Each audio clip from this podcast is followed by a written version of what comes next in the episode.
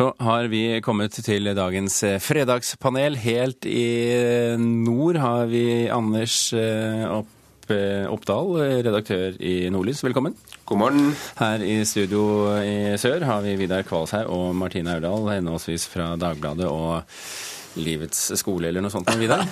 God morgen. Ja, det heter også biblioteket for tiden. ja, det er det det gjør. Det er fredag altså. Velkommen alle sammen. Vi går rett på første spørsmål.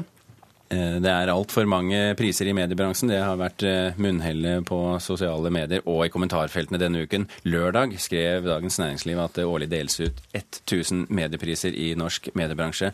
Og lørdag tippet det over da uh, Gullruten 2014 fikk Gullruten for fjorårets beste TV-event under Gullruten 2015. Og spørsmålet vårt er, siden det knapt er noen utenfor mediebransjen som bryr seg, er det så farlig om vi holder på med alle disse prisene? Nei da. Eh, ja. Nei, nei, nei. Nei, Aurdal. Eh, jeg syns jo for det første synes jeg det er gøy med priser. Jeg var jo også i Bergen og mottok eh, pris eh, Dagbladet Meninger i forrige uke og jubla som bare det og hadde kjempegøy. Og det er en, en viktig anerkjennelse med priser. Men nettopp derfor så blir det så flaut, da, når vi leser hvor mange det er. Eh, så, som gjør, stå, gjør, at vi står i fare for at prisene mister sin verdi.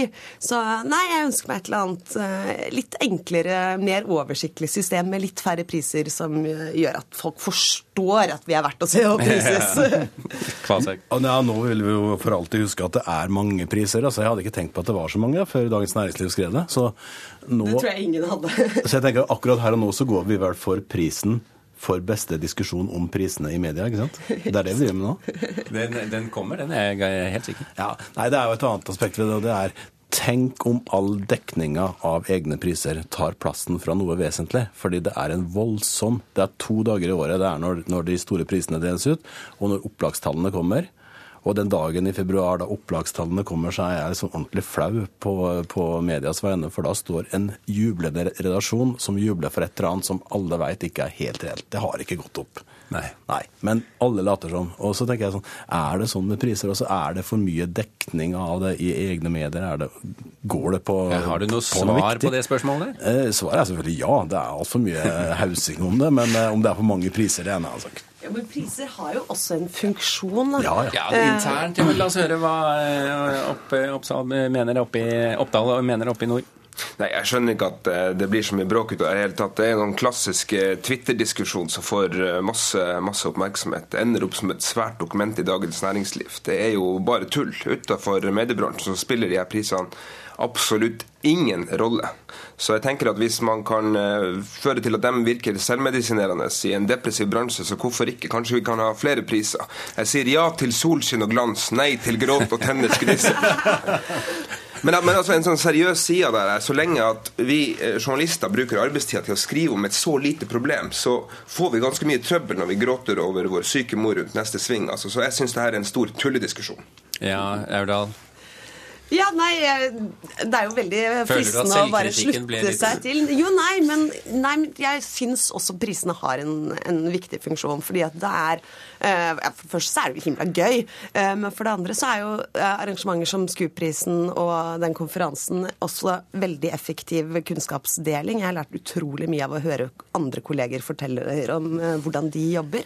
Så vi konkluderer med at priser er helt ok, gjerne 1000, men hold det for oss selv.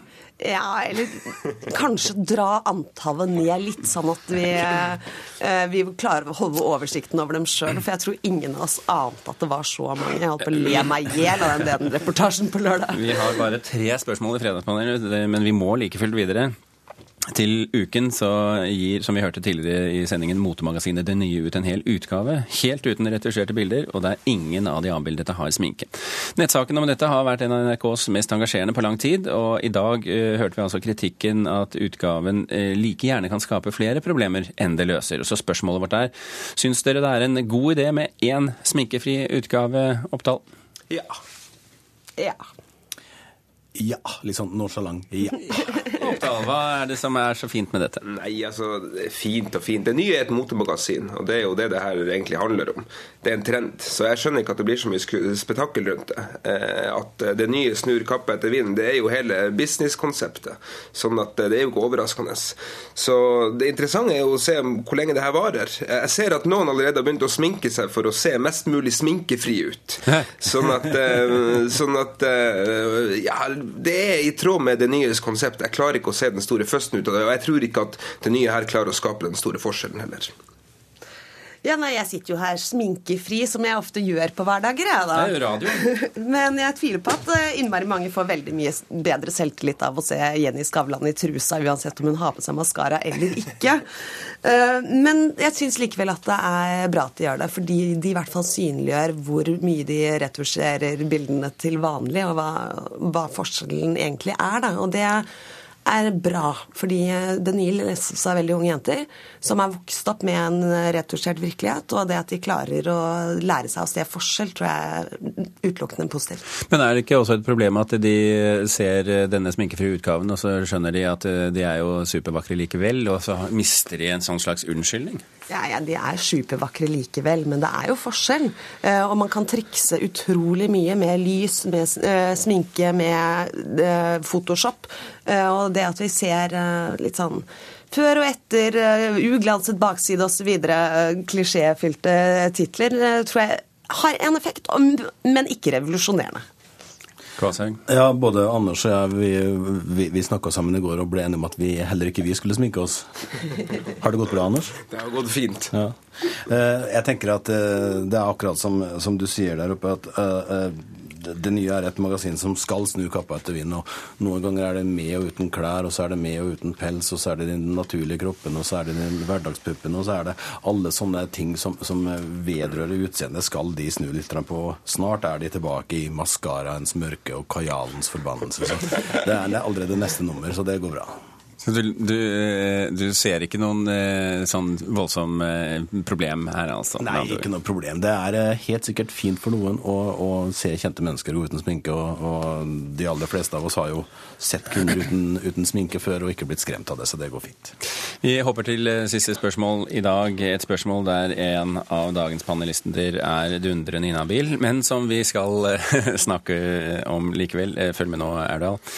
På lørdag samarbeidet Dagbladet og Se og Hør om en TV-sending fra Gullruteshowet. Et samarbeid Dagbladets journalister selv er svært kritiske til. Men når alt kommer til alt, eh, er ikke dette en match made in heaven, eh, Jo da, det er det. Oppdal? Ja, ja, ja. Aurdal. Nei. og nå var vi overraska. ok, eh, Oppdal, eh, fortell. Nei, altså, jeg tenker det her må være en drøm. Jeg har sjøl jobba i Dagbladet en gang i tida. og Da eh, var jeg relativt ung, og jeg fikk som oppgave å få tak i siste utgave av Se og Hør før VG, sånn at vi kunne se om det var godt stoff å ta tak i. Nå kan man få eh, innholdet fri og franco, sampublisert. Eh, Dagblad uten kjendisstoff, det er rett og slett ikke Dagblad. Så jeg syns at journalistene i avisa, inkludert Martine, burde juble vilt og uhemma over alle Se og Hør-synergiene som hun kan få tak i. Altså. Nei, hun jubler bare for priser, Oppdal. ja. Men, men Erdal, er det eh, Du, du, du er, er, Ja. Det er ikke en match made in heaven, men det er en, eh, dessverre en dyd av nødvendighet i den norske medievirkeligheten. Eh, I dag ser vi at eh, det er veldig vanskelig å drive uavhengig avis. Derfor var vi veldig glad for å bli del av noe større da alle kjøpte Dagbladet. Eh, og vi ser at eh, Skipsted-konsernet opererer delvis som én stor redaksjon og fordeler arbeidsoppgaver mellom seg. Mm. Eh, her om dagen leste jeg 17. mai-været for Bergen i Oslo by. Og, eh, og, når alle andre samarbeider, må vi også samarbeide.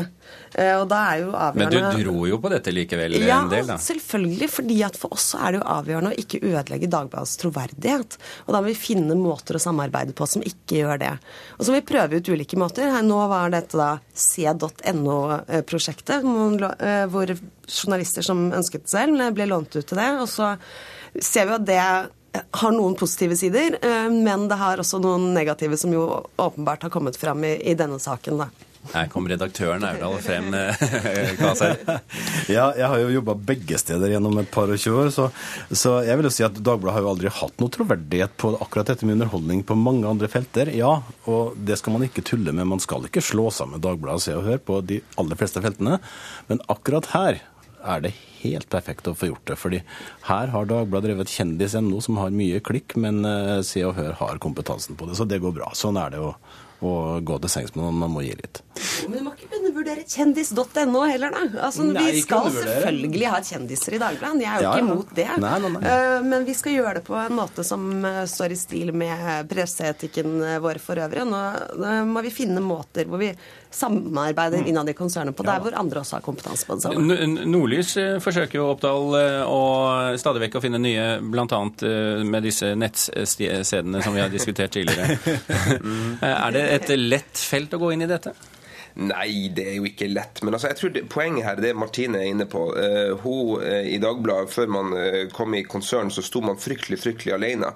Og Det er nå en dyd av nødvendighet, som hun sier, å, å dra på synergier fra andre. Og I dette tilfellet så har Dagbladet fått tilgang på den, kanskje den beste og mest offensive kjendisjournalistikken som finnes. Så Hvis man klarer i Dagbladet å putte det inn i en form og på en sånn måte at det er i tråd med de etiske kompassene man har, så syns jeg det bare er bra.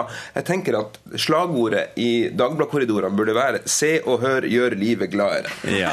Det har nå blitt eh, behørig meldt videre til, eh, til Martine Aurdal, som eh, nå er en av flere panelister som eh, må slutte å snakke Vidar Kvalsheim, fordi at det er slutt her i dag. Eh, Anders Oppdal, eh, tusen hjertelig takk alle tre for at dere var med. Hans Ole Hummelvold, Gjermund Jappé og Birger Kålsrud Aasund takker for følget. Snart kommer flere nyheter her på denne kanalen.